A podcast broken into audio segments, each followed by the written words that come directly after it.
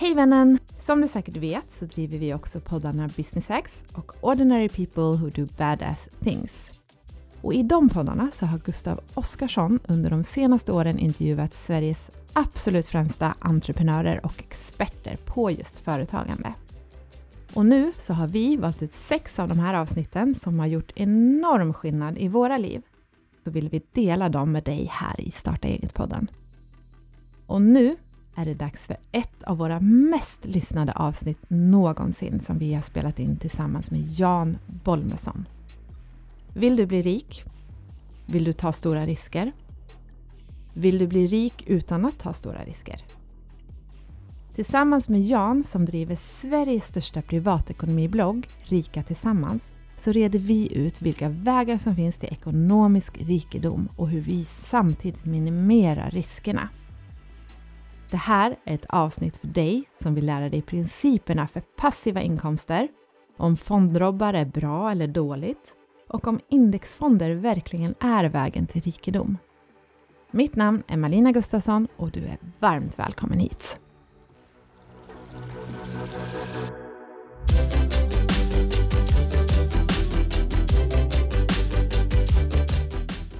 Välkommen till Business Hacks, Jan Bolmesson. Tack så mycket Gustav, tack för att jag får vara med. Ja men jättekul, hur mår du? Jag mår jättebra. Jag har sett fram emot den här poddinspelningen. Vi rör oss lite i samma kretsar, men vi har liksom inte riktigt fått till det för nu, så det ska bli himla roligt att få dela med mig lite av tips och tricks som eh, förhoppningsvis gör dina lyssnare och följare lite rikare. Mm. Det är mitt mål i alla fall. Ja, men det är ju mitt mål med. Eh, mitt mål kan man säga med den här podden är att ta fram någon form av ska vi säga, optimal strategi för att eh, få pengar att växa med så lite jobb och, och, kraft och energi som möjligt. Och det tror jag att du är helt rätt gäst att, att hjälpa till med. Men för de som inte känner dig, du driver ju bland annat eh, sajten och eh, podden Rika Tillsammans. Kan du bara sammanfatta Jan Bolmesson i, i några få meningar? Ja, men Jan eh, Bolmesson är som en kompis uttryckte det, eh, liksom entreprenör i själ och hjärta. Jag vet inte om andra hade sagt att jag hade varit eh, värdelös som anställd, så det var lika bra att jag startade eget. Mm. Men, men jag älskar ju det här med att saker ska vara automatiserat, det ska funka av sig självt och då har jag upptäckt att pengar funkar alldeles utmärkt till det där att pengar är mycket bättre på att jobba än vad du och jag någonsin kommer vara. Så jag har mycket i mitt företagande sedan 15 år tillbaka hela tiden försökt jobba hur kan jag utveckla mitt företag, men hur kan jag också utveckla placeringen av mina pengar, både i företaget och privat? Så att liksom man har fler som jobbar åt en än en själv. Mm. Och det där är ju väldigt spännande. Jag tänker vi ska gå ganska rakt på sak i det här avsnittet, för podden Business Hacks, med, det finns ju en lång story om, om dig som man kan läsa om Parika tillsammans och dina principer och din bakgrund och sådär. Men jag vill gå ganska rakt på sak och, och bara ta upp ett ämne med dig som jag har funderat mycket på. När jag möter företagare runt om i landet så upplever jag att de är extremt duktiga ofta på att, att bygga bolag och, och driva företag. Men att de kanske inte lägger lika mycket energi på att bygga upp sin privatekonomi. Och jag tänker vi ska fokusera avsnittet på det, hur man bygger upp ett mm. sparande mm. som är så automatiserat och enkelt och lönsamt som möjligt. Känns det okej? Okay? Absolut, gud ja. Vad härligt. Och det kom vi överens om innan så att jag hoppas att, att du skulle säga ja. bara, precis, bara, nej. Ehm, men du, vad, vad, är grundpelarna i det här? Liksom, vad ska vi stötta avsnittet på? Uh, finns det några grundpelare som du vill liksom redan nu i början uh, lära ut till lyssnarna? Nej, men jag, jag tror att du sätter eh, fingret väldigt mycket på det, att de flesta företagare är väldigt duktiga på att driva sin business. Sen kan jag ibland uppleva också att man prioriterar sig själv eh, bakom, liksom efter businessen, att man liksom ofta prioriterar liksom eh, leverantörsskulder, man prioriterar de anställdas löner, man prioriterar i princip alla andra än en själv. Mm. Eh, och, och, jag brukar ibland tänka på det, men tänk om det är så som flygvärdinnorna säger på, på flyget, liksom så här, i händelse av tryckfall i kabinen, sätt först på den masken på dig själv innan du hjälper alla andra. Mm. Eh, och, och där, där tänker jag på, på någon nivå att om man också som företagare kan känna att man har en stabil bas, man har en stabil grund, alltså att man, jag brukar ibland säga, kan, har man ett stabilt försvar, då kan man spela ett aggressivt anfall. Mm. Eh, och, och, där tänker jag absolut att pengar eh, kommer in. Och, och, det är också det himla roligt, för när jag tänker på att investera liksom pengar så tänker jag att det är inte så mycket skillnad att investera ett företags pengar eller investera sina egna pengar. Jag själv investerar till exempel majoriteten av mina pengar via mitt, mina företag. Mm. Eh, och, då, och då tror jag mycket på att man ska bygga en pengamaskin. Eh, sen upplever jag då att det finns väldigt mycket myter kring den här, liksom hur man sparar och investerar pengar. För att eh, de flesta av oss, särskilt vi entreprenörer eller vi företagare, lär ju oss ganska snabbt att den som gör mest, den som engagerar sig mest, den som kan mest, den som tar flest möten, den som gör flest saker är den som kommer bli mest framgångsrik. Men problemet är att när man tittar då på sparande investeringar är att det funkar precis tvärtom. Det handlar om att göra rätt från början och, sen det, och det är ett engångsjobb som är liksom ett par, liksom ett par timmars jobb max. Och sen vara liksom oengagerad, lat, passiv, inte bry sig, inte logga in, inte följa det, utan det är den som är mest passiv och lat som är den som kommer vara mest framgångsrik. Så att det är ett lite annat sätt att tänka. Men när man väl har vant sig vid det så tänker man så här, gud vad bra att detta sparande på pengamaskinen inte tar någon tid, för då kan jag fokusera på att tjäna mer pengar i min business. Mm. Liksom. Intressant, för jag var på äh. Avanza Forum heter det väl för några år sedan. Och då hade de gjort statistik ja. på vilka av Avanzas kunder som hade haft bäst avkastning. Och det var ju då barn, ja. barn och pensionärer. Det var alltså de ja. som hade rört pengarna absolut minst. Ja, jag vet inte om detta är sant Gustav, ja. men det, det sägs att det finns några studier som gjordes precis på det här eh, på mm. Fidelity i USA. Mm. Och då kom de fram till att en kundgrupp, det var alltså den överpresterade liksom absolut mot alla andra. Mm. Och sen insåg de att det var den kundgruppen som var död. ja, det är underbart. Ja. ja. Jag vet inte om det är sant, men det är en bra story och det går i linje kan, vi, med, vi med forskning att det, är, och det. Att det är sant. ja, det är magiskt. Men du, eh, pengamaskin, jag, jag älskar ju begreppet pengamaskin. Och vi kan då ja. anta att den som lyssnar på det här driver företag eh, och den driver ja. ett företag som dels kanske har en lite överlikviditet eller så har man lite pengar över eh, själv och man vill både kanske sätta in, eh, få engångssummor att växa, men man vill också få eh, någon form av månadssparande att växa. Så man vill alltså bygga, bygga sin pengamaskin både privat och i företaget. Ja. Och det är där någonstans jag vill att vi ska börja och jag vill ta din hjälp då att på något sätt hitta en steg för steg modell så enkelt som möjligt till att bygga upp en pengamaskin. Nej, men det, det, första jag skulle säga, jag gillar jättemycket det du säger liksom, kring att man kan även ha ett månadssparande. De flesta av oss är ju vana att som privatperson att man månadssparar, men även ett företag kan månadsspara, mm. vilket är jättebra.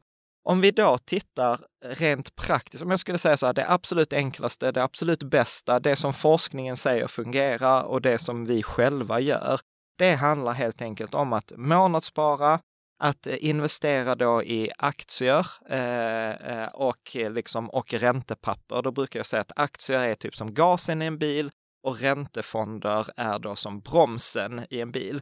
Och du vill liksom inte bara, bara ha en bil som bara har broms, för då kommer du ingenstans. Och du vill inte bara ha en bil som har gas, för det blir väldigt läskigt eh, när, när det går för fort. Så man vill ha den här balansen och Fram till 2017 så var man tvungen att välja fonder själv, sätta ihop en portfölj. Man var tvungen att vara insatt i olika typer av aktiefonder, olika typer av räntefonder. Men i dagsläget, så liksom sedan 2017, så har vi något i Sverige som kallas för fondrobotar. Och det är liksom, jag, jag påstår att det är en av de bästa uppfinningarna inom sparande och finansbranschen. Och det handlar helt enkelt om att jag tar mina pengar och månadssparar in i en sån här fondrobot och sen väljer jag då i, svara på ett antal frågor i den här fondroboten och så, så kommer jag fram till, ja men jag vill ha kanske eh, 70 procent aktier, 30 procent räntor. Och sen så, sen så är, är man färdig och sen gör man ingenting utan man månadssparar in i den här fondroboten. Och vad den här fondrobotarna gör så att man är medveten om det, det är alltså en tjänst som väljer ut aktier i hela världen. Att om vi tar till exempel den som jag gillar som jag använder, Lysa, då placerar den dina pengar i över 6 000 bolag i hela världen. Eh, och den väljer också eh, då att den gör den så billigt som möjligt. Så att till exempel om man väljer fonder själv, då får man ofta betala ungefär 0,4 eh, procent. Om jag väljer en fondrobot, då betalar jag ungefär samma, mellan 0,4 och 0,8 procent.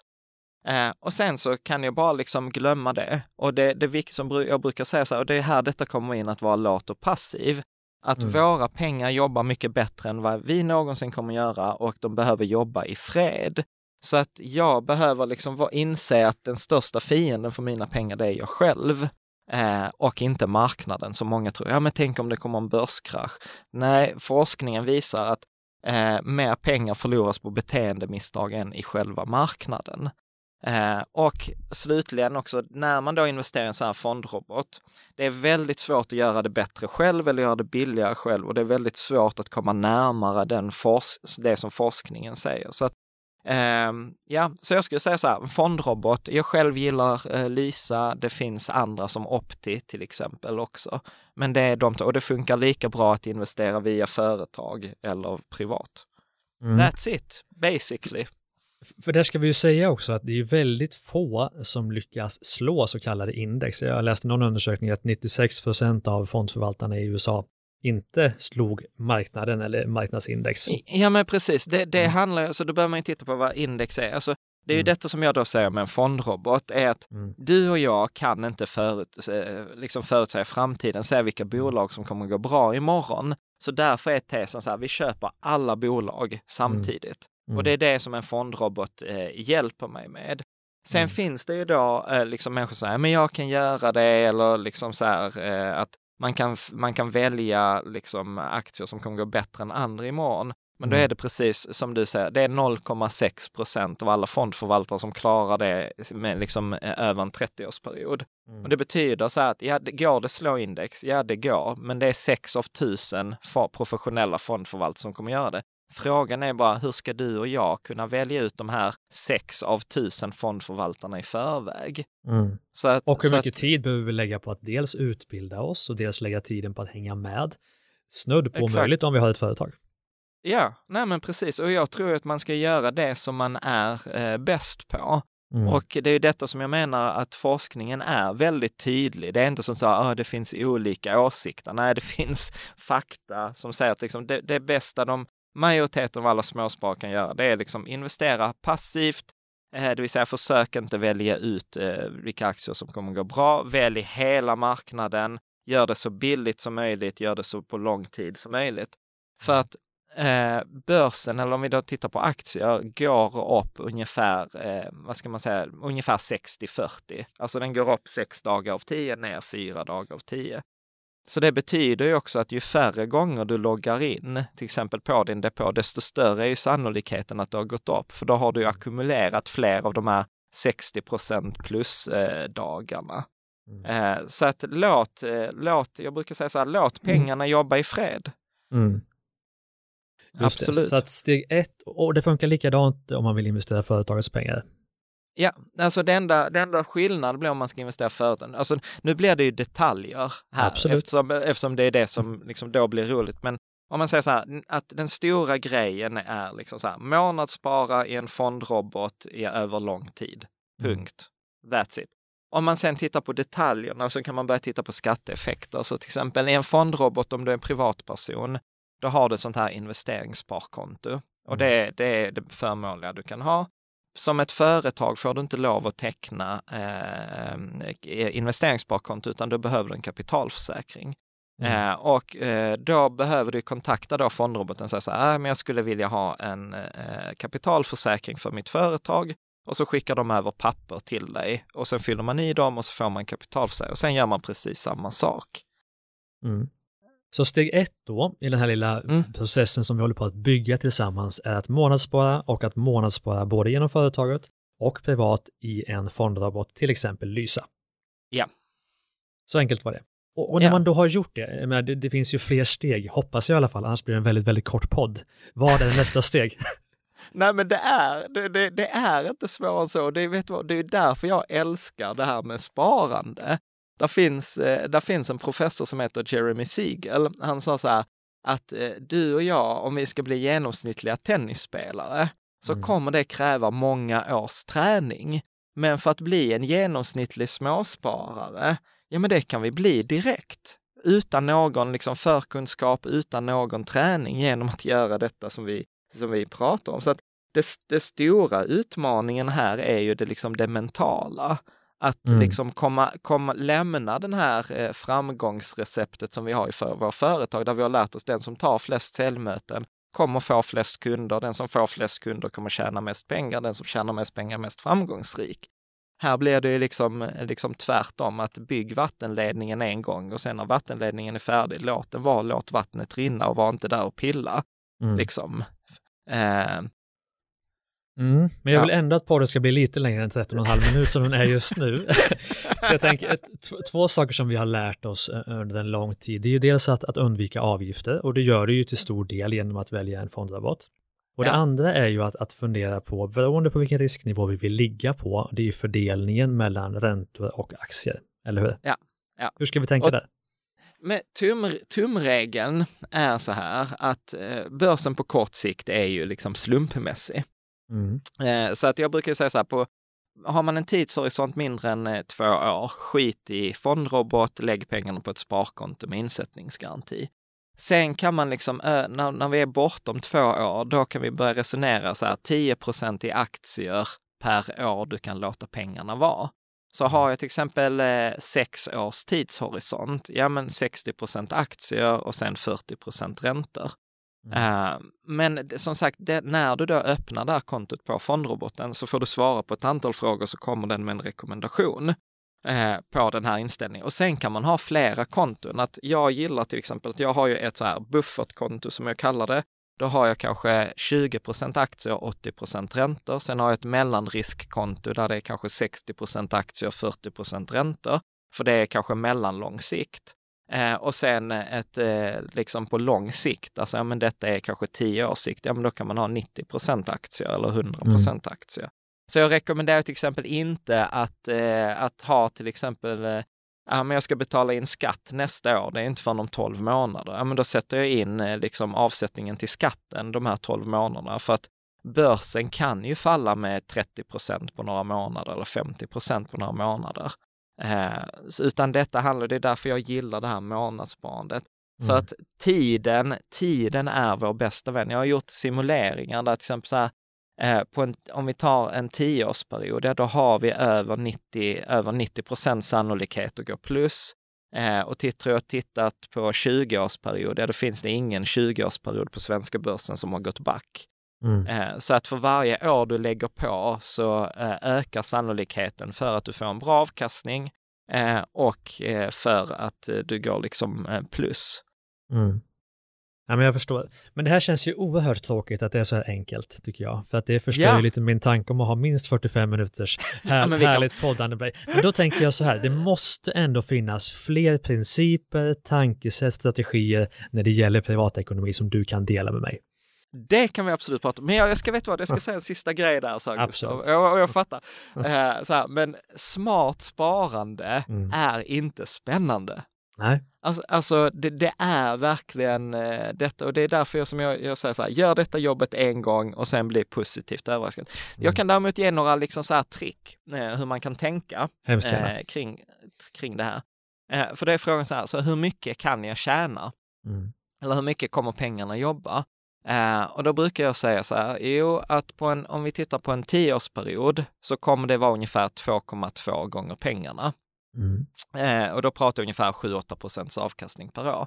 Så har jag liksom 100 000 så efter 10 år så kommer de vara värda 220 000. Har jag en miljon så är det 2,2 miljoner efter 10 år. På, på 20 år så eh, nästan femdubblas pengarna, så en miljon blir 5 miljoner eller 100 000 blir 500 000.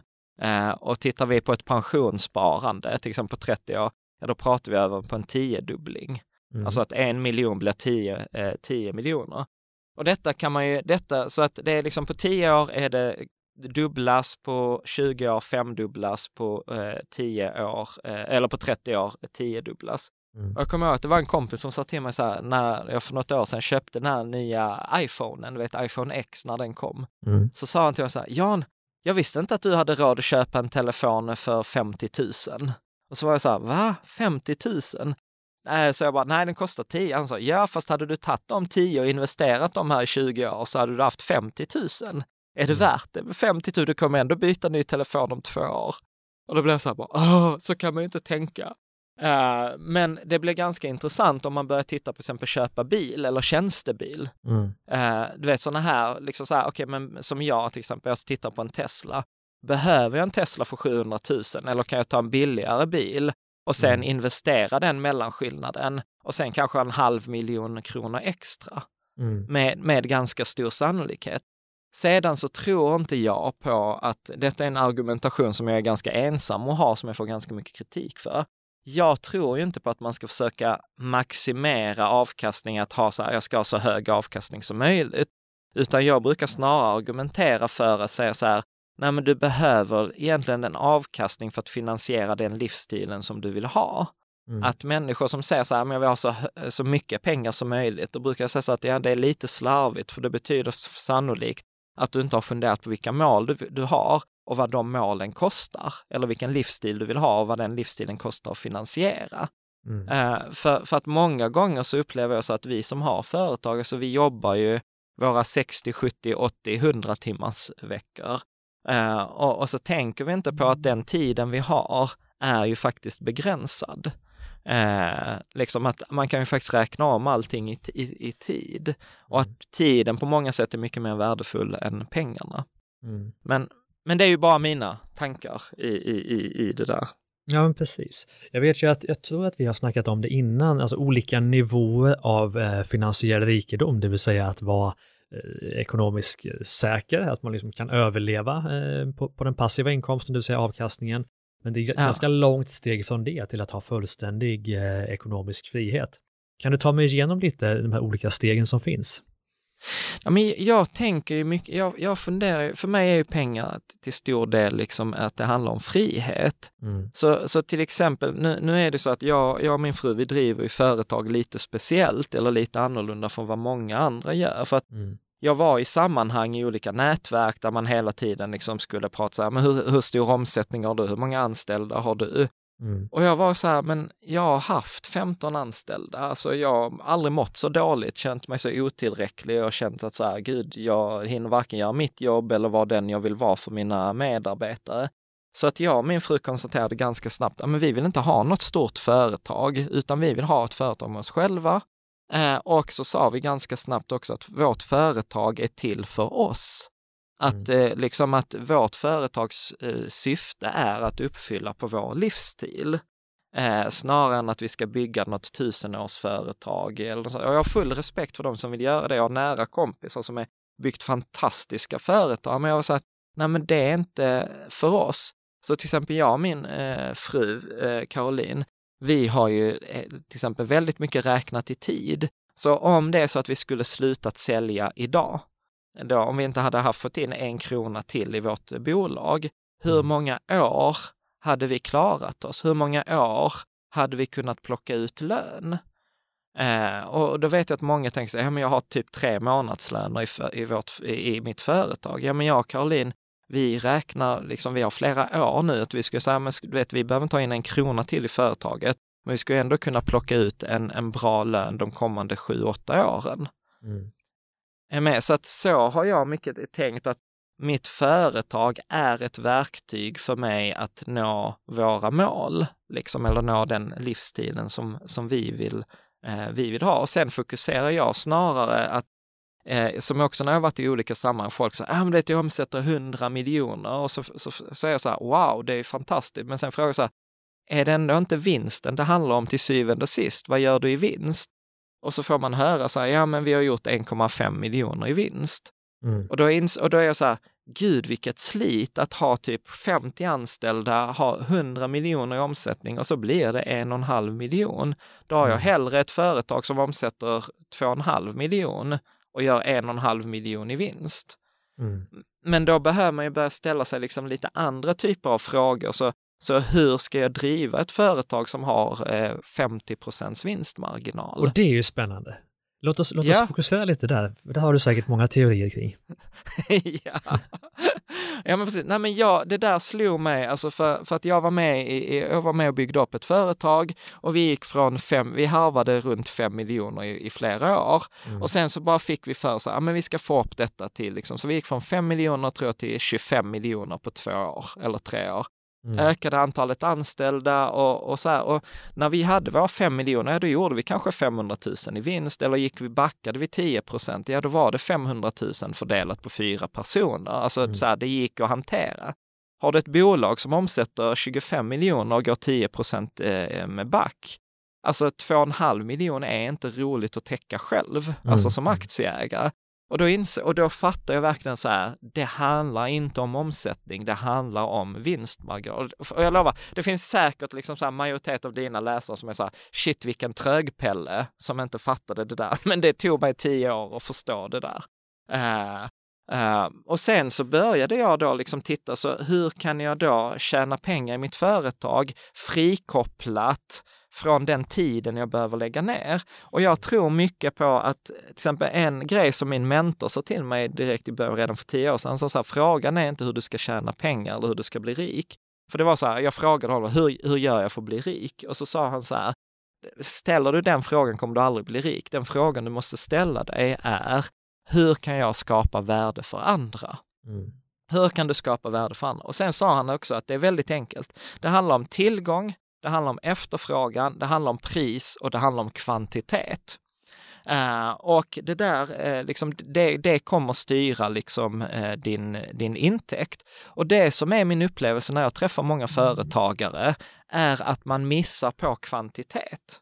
Alltså att man kan ta till exempel så här, men jag kan vara tandläkare, jag kan ta en bra timkostnad, där finns en efterfrågan på liksom mina tandläkartjänster. Men tar det en timme att ta hand om en patient, ja men då kan jag max göra 40 patienter på en 40 timmars vecka. Mm. Är du med? Att då blir det en, en begränsning. Mm. Medan jag som liksom hela tiden tittat på, okej, okay, så hur, hur kan jag ha en affärsmodell som tittar på kvantitet istället. Hur kan jag göra detta för 10 000 personer istället för en person? Då behöver mm. jag inte ens ta så mycket betalt eh, per person för att det ska bli mycket pengar. Kan du ge eh, exempel på hur du har gjort det? Nej men jag, jag gillar ju till exempel, jag driver ju eh, då blogg, eh, så att då har jag till exempel eh, annonssamarbeten, det är ju så jag finansierar bloggen. Och idag har jag till exempel eh, över 50 000 människor i mitt nyhetsbrev. Mm. Och det betyder att det, kan vara så här att jag, sen jobbar jag då och skapar värde, så jag vill ju alltid att det ska vara gratis för mina läsare och sen får företaget betala mig per kund mm. eh, då som väljer att bli det. Ja, då krävs det inte särskilt hög konvertering på 50 000 människor för att det ska bli pengar av det. Mm. Eh, så, att så, så att jag gillar att jobba med kvantitet på det sättet. Mm. Sen, eh, eh, sen ett annat sätt, det här med att inte vara beroende av tid, ja men jobba med investeringar. Eh, precis så att jag låter pengarna eh, jobba. Jag försöker också, jag investerar nästan bara i företag där det finns en skalbarhet. Alltså jag mm. gillar ju till exempel techföretag eh, där man kan liksom göra en grej bra och sen kan man återigen sprida det till massor av eh, människor. Alltså det finns ju så här Storytel är ju typexempel. Jag önskar att jag var med och investerade i dem tidigt, men det är ju så här typ, eh, typexempel. Prenumerations, mm. jag gillar prenumerationstjänster. Det lärde jag mig redan alltså när jag drev mitt första företag. Det sa min mentor alltid så här, men skriv treårsavtal. Och jag var så här, gud, det är ingen som kommer vilja sälja, köpa treårsavtal. Märkte så här, det var ingen som argumenterade mot det nästan. Och de som mm. argumenterade, ja men då fick de ett 12 månadersavtal. Och det finns inget som är så himla skönt som att gå in i ett verksamhetsår och redan ha liksom så här x antal kronor i förut eh, liksom bestämda intäkter. Mm. Eh, så att jag tror att det handlar mycket om att eh, liksom skruva på affärsmodellen. Att, att om jag återigen ska ta ett sånt här tips, alltså nu är vi långt ifrån en fondrobot, men mm, detta, detta, är, detta är roligt.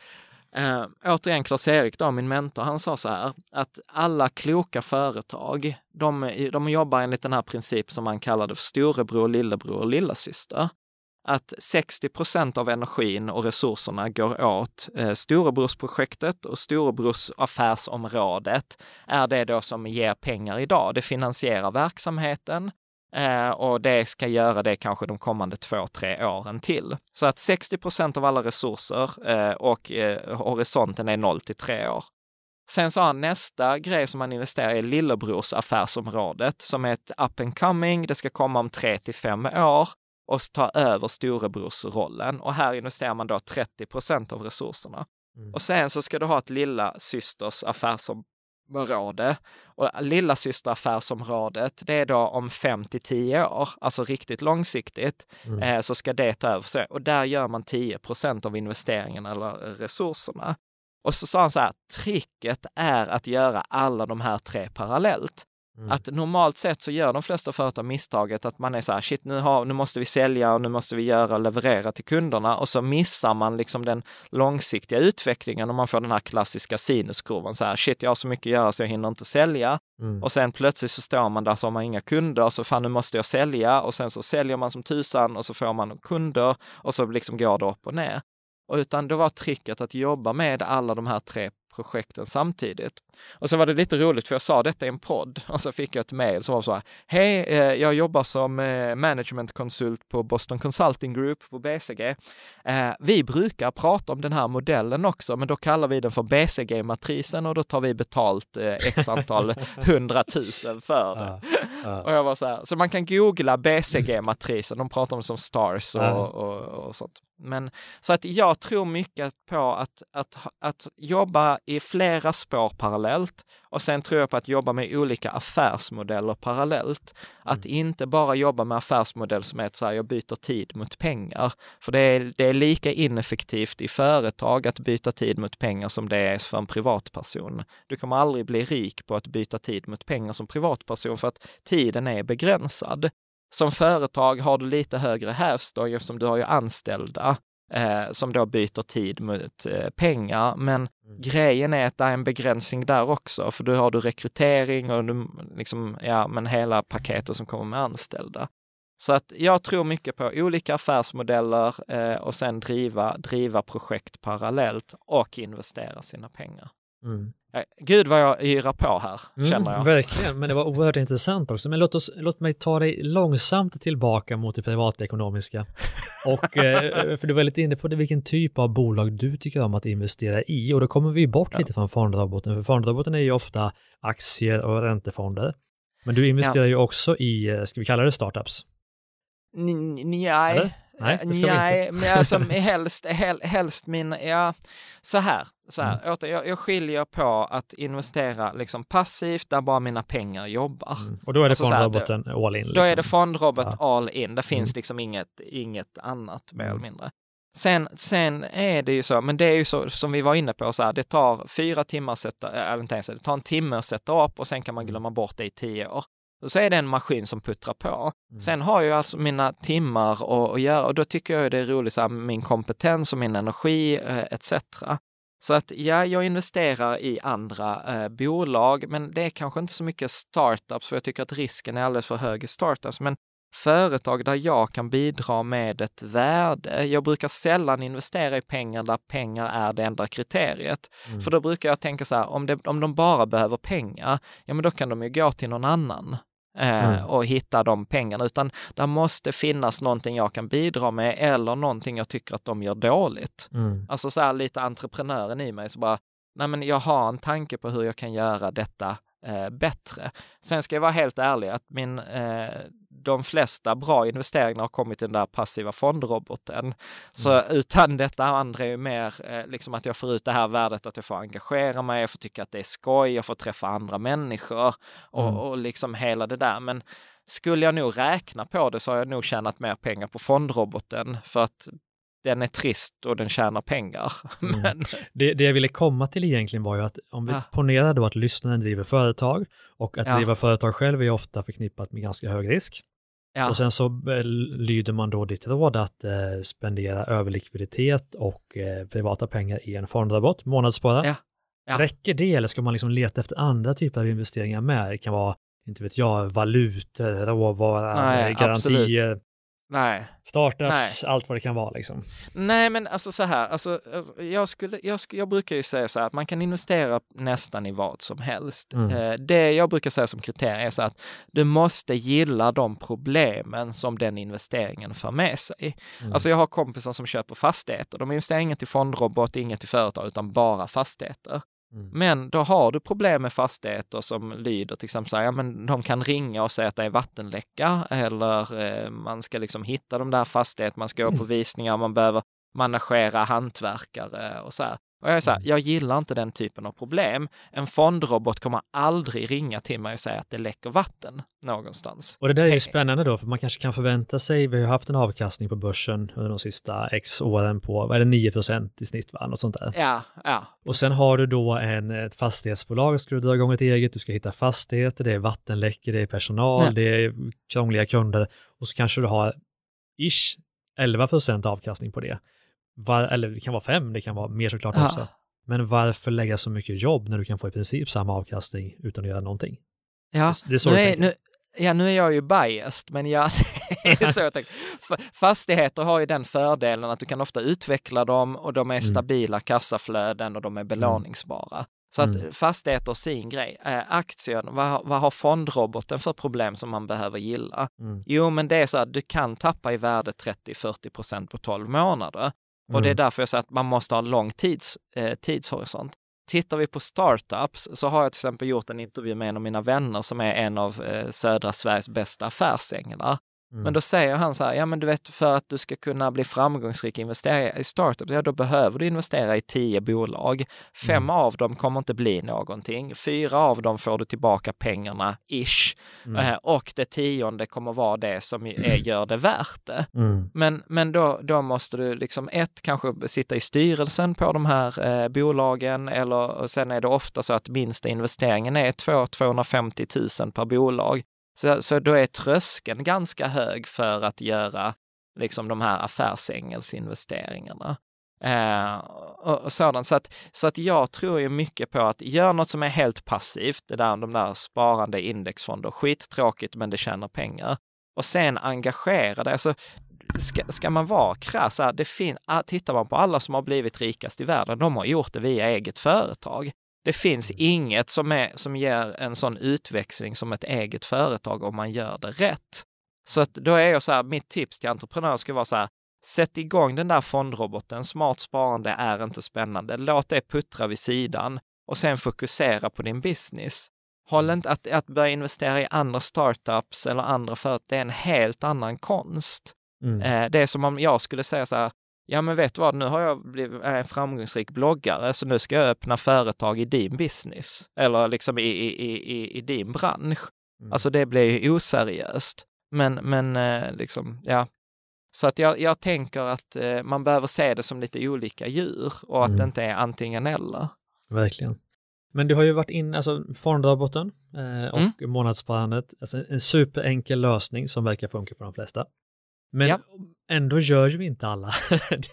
alla väljer ju inte den enkla vägen. Vilka är de, eh, som du ser det, vanligaste misstagen när det gäller privatekonomin? Nej, men det vanligaste misstaget är ju den här myten från finansbranschen, Mm. eh, som att du ska vara aktiv. Om du bara läser på, om du bara engagerar, om du bara lägger tid så kommer det gå bättre för dig än för genomsnittlig spararen. Och det är bullshit. Alltså det är bara att kolla på Avanzas, eh, Avanza, jag vet inte varför de gör detta, men jag är glad att de gör det. Varje år släpper de avkastningssiffrorna för hur det har gått för den genomsnittliga spararen. Mm. Och jag tror så här, de senaste tio åren så har den genomsnittliga spararen varit sämre än en fondrobot. Mm. Och då är jag så här, why bother? Och när man träffar, så träffar man ju alltid de här människorna som är så här, engagerade, jag är medlem i Aktiespararna, du vet, de har alltid det senaste aktietipset. Mm. Eh, och, så här, och det är så lätt att tro på det, för att det talar till det här som vi var inne på innan, att den som kan mest, gör mest, engagerar sig med, är den som kommer bli framgångsrik.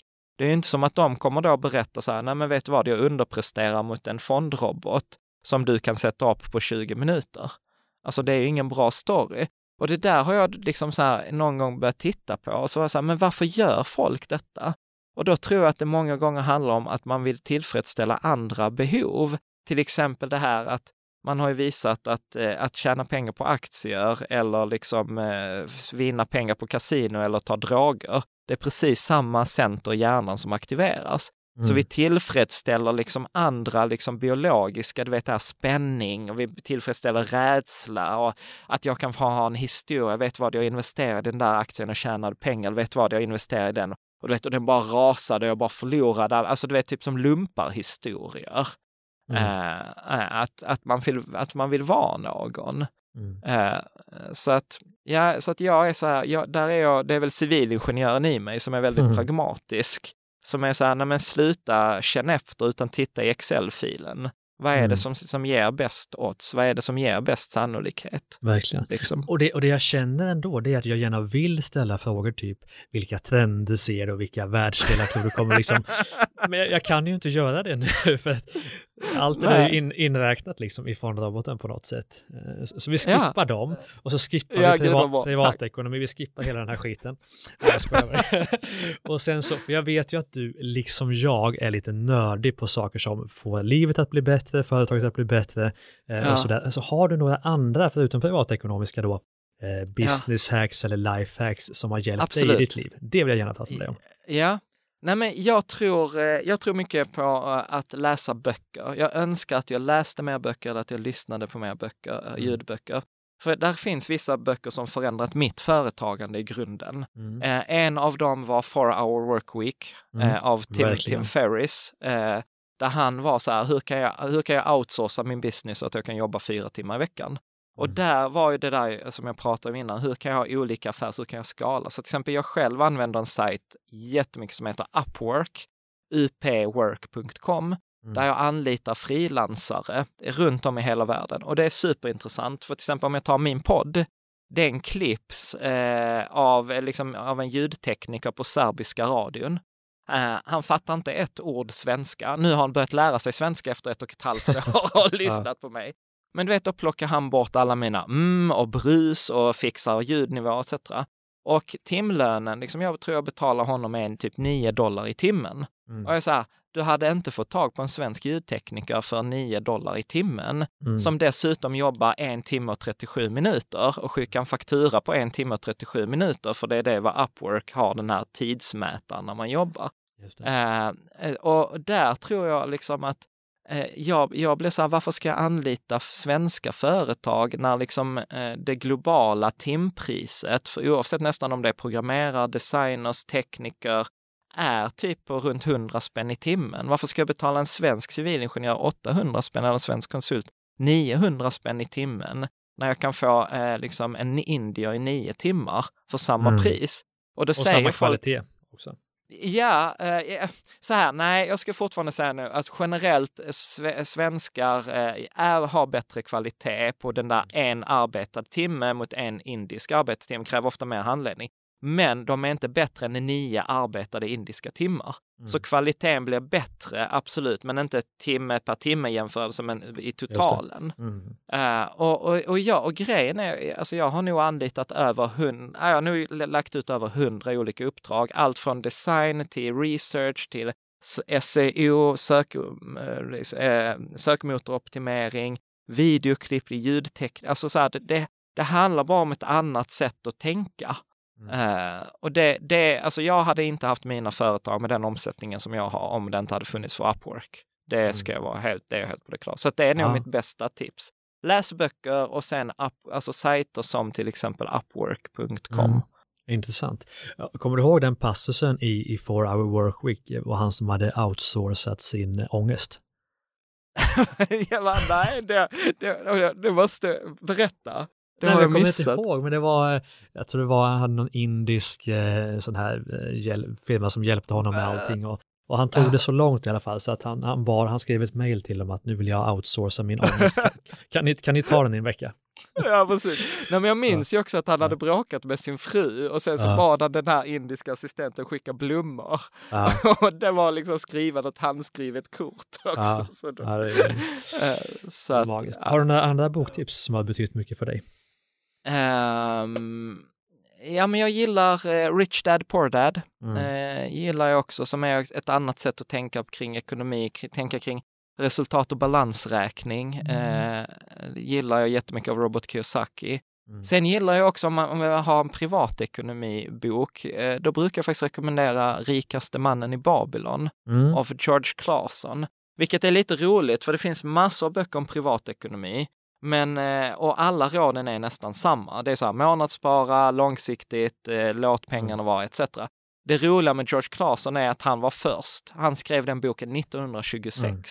Och det är ganska coolt att kunna rekommendera en hundra år gammal bok och säga så här, vet du vad, det Mm. funkar fortfarande.